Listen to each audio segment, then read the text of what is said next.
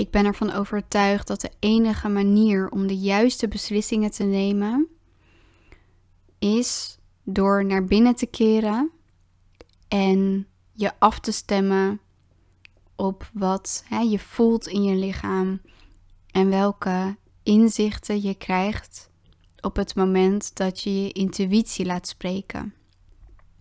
Nou, als je vraagt, als je jezelf nu afvraagt van oké, hoe laat ik mijn intuïtie spreken?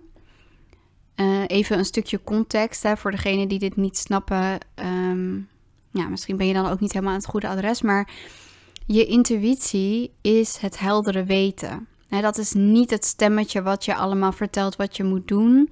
Dat zijn gewoon de inzichten die zonder enige lading, zonder enige emotionele druk of lading aan je voorbij komen.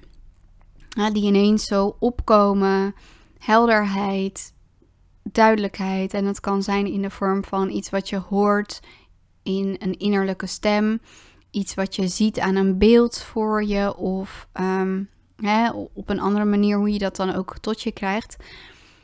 Dat is echt de enige manier om vanuit jouw eigen ziel hè, en dus ook je zielsmissie te gaan leven. Waarom ik je dit zeg?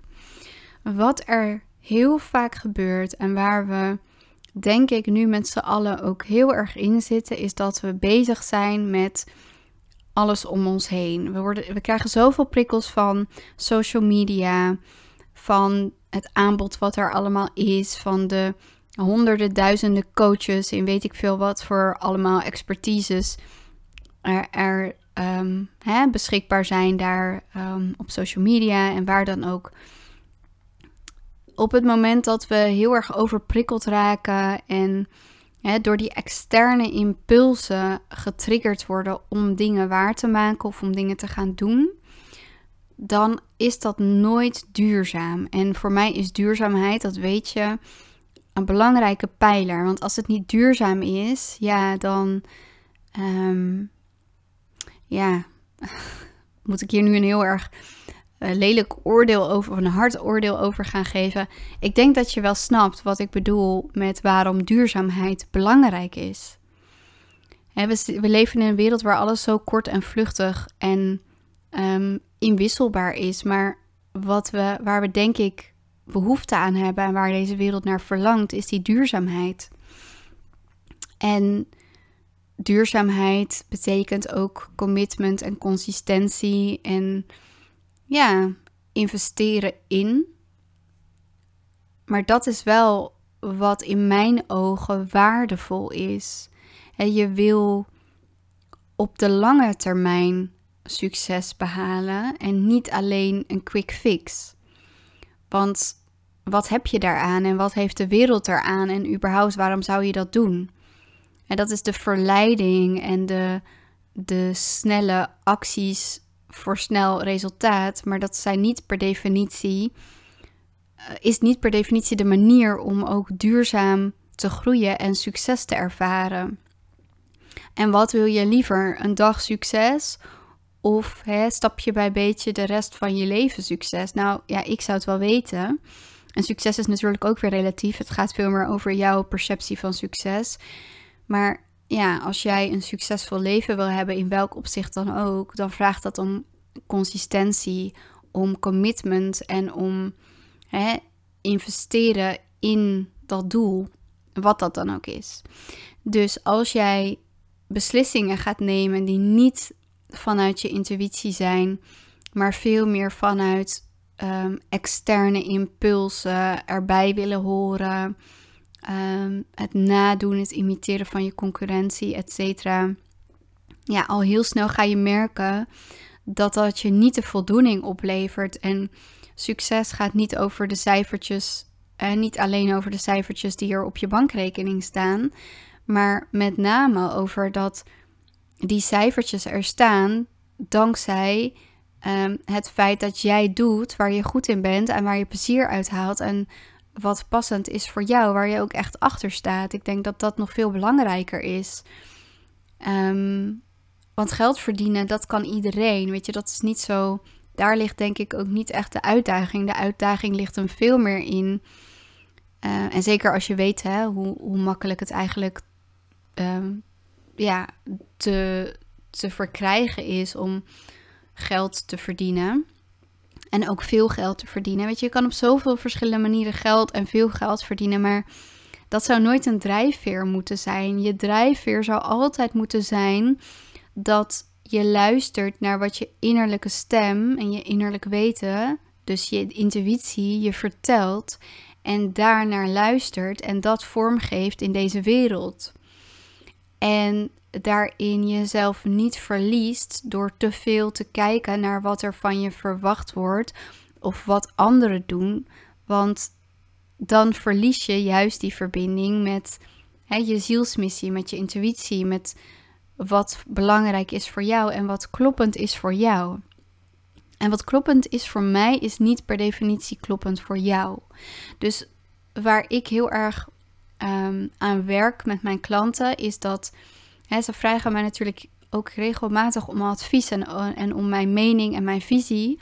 Maar ik laat ze altijd teruggaan naar: oké, hetgeen wat ik je nu aanreik, hoe voelt dat voor jou? En klopt dat voor jou? En is dat wat past bij jou? En wat zegt jouw intuïtie? En nou, in sommige gevallen kan het zijn dat, dat iemands intuïtie of iemands innerlijk weten daar helemaal mee resoneert.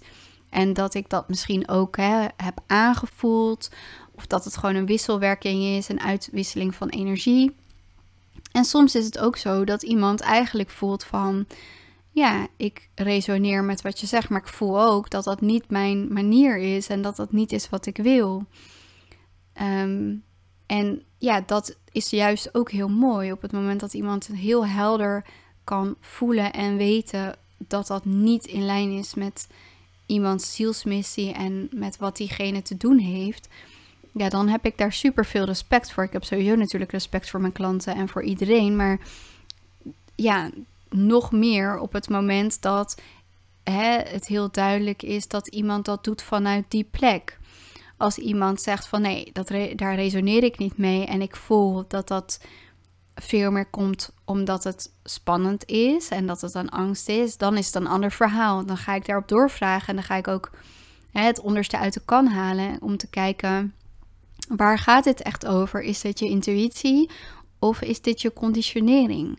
En allebei is het prima, maakt niet uit. Maar op het moment dat je jezelf laat remmen door angsten en overtuigingen en ehm, ja, belemmerende uh, ideeën over jezelf en over de wereld, dan heb ik als begeleider daar altijd wel, ja, heb ik je daarin wel te spiegelen. daarvoor kom je bij mij, daarvoor betaal je mij.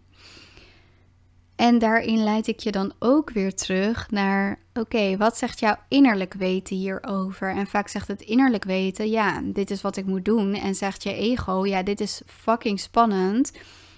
Ik krijg hier heel veel angst door. Ik krijg buikpijn, ik krijg klamme handjes. Maar hè, het is wel iets wat je met je innerlijk weten kan voelen: dit is wat ik te doen heb.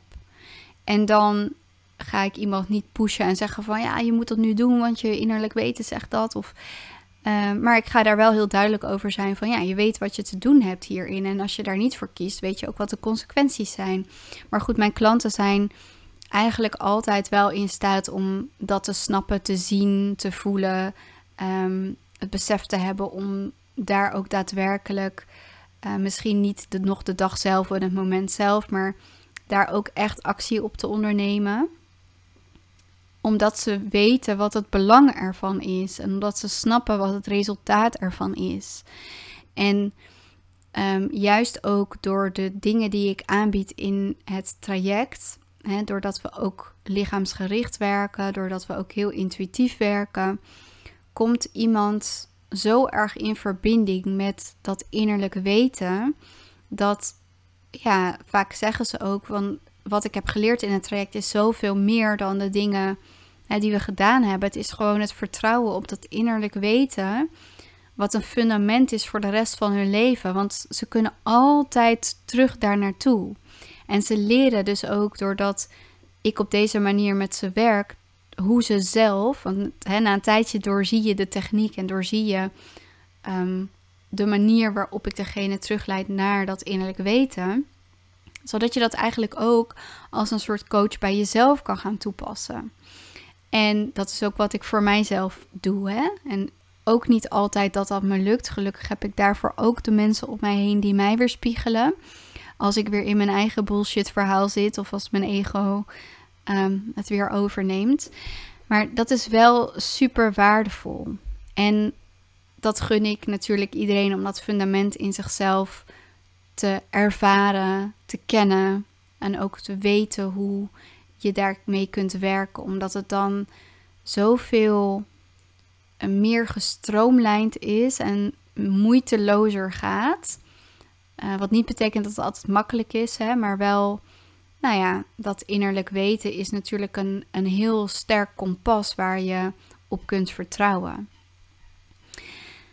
Ik weet niet of deze aflevering waardevol voor je was en of dit um, hè, iets bijdraagt vandaag aan de manier waarop jij naar de dingen kijkt. Misschien geeft het je ook inzicht in hè, hoe je nog meer uh, kan intunen op dat innerlijke weten. En het klinkt heel vaag misschien, maar dat is het echt niet. Ik denk echt dat de mensen die hier naar luisteren en dit kunnen voelen in hun lichaam, ja, dan ben je gewoon hè, hoogstwaarschijnlijk iemand die een goede klant zal zijn. Want um, je resoneert ermee. Je, je hebt daar hoogstwaarschijnlijk al vaker in je leven op vertrouwd. Je bent daar al vaker in je leven mee in verbinding geweest. En pas als je echt gaat inzien hoe krachtig dat is en hoe dat ook eigenlijk alles overstijgt.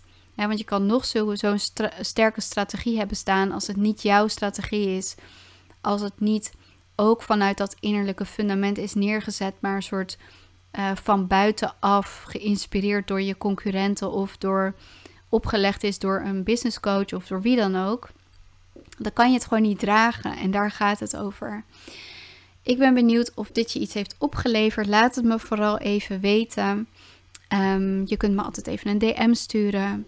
Ben jij deze persoon die wil werken met zijn of haar intuïtie? Zorg dat je met mij in contact komt. Ik ontmoet je heel graag. Dank je wel dat je geluisterd hebt naar deze aflevering en tot de volgende aflevering.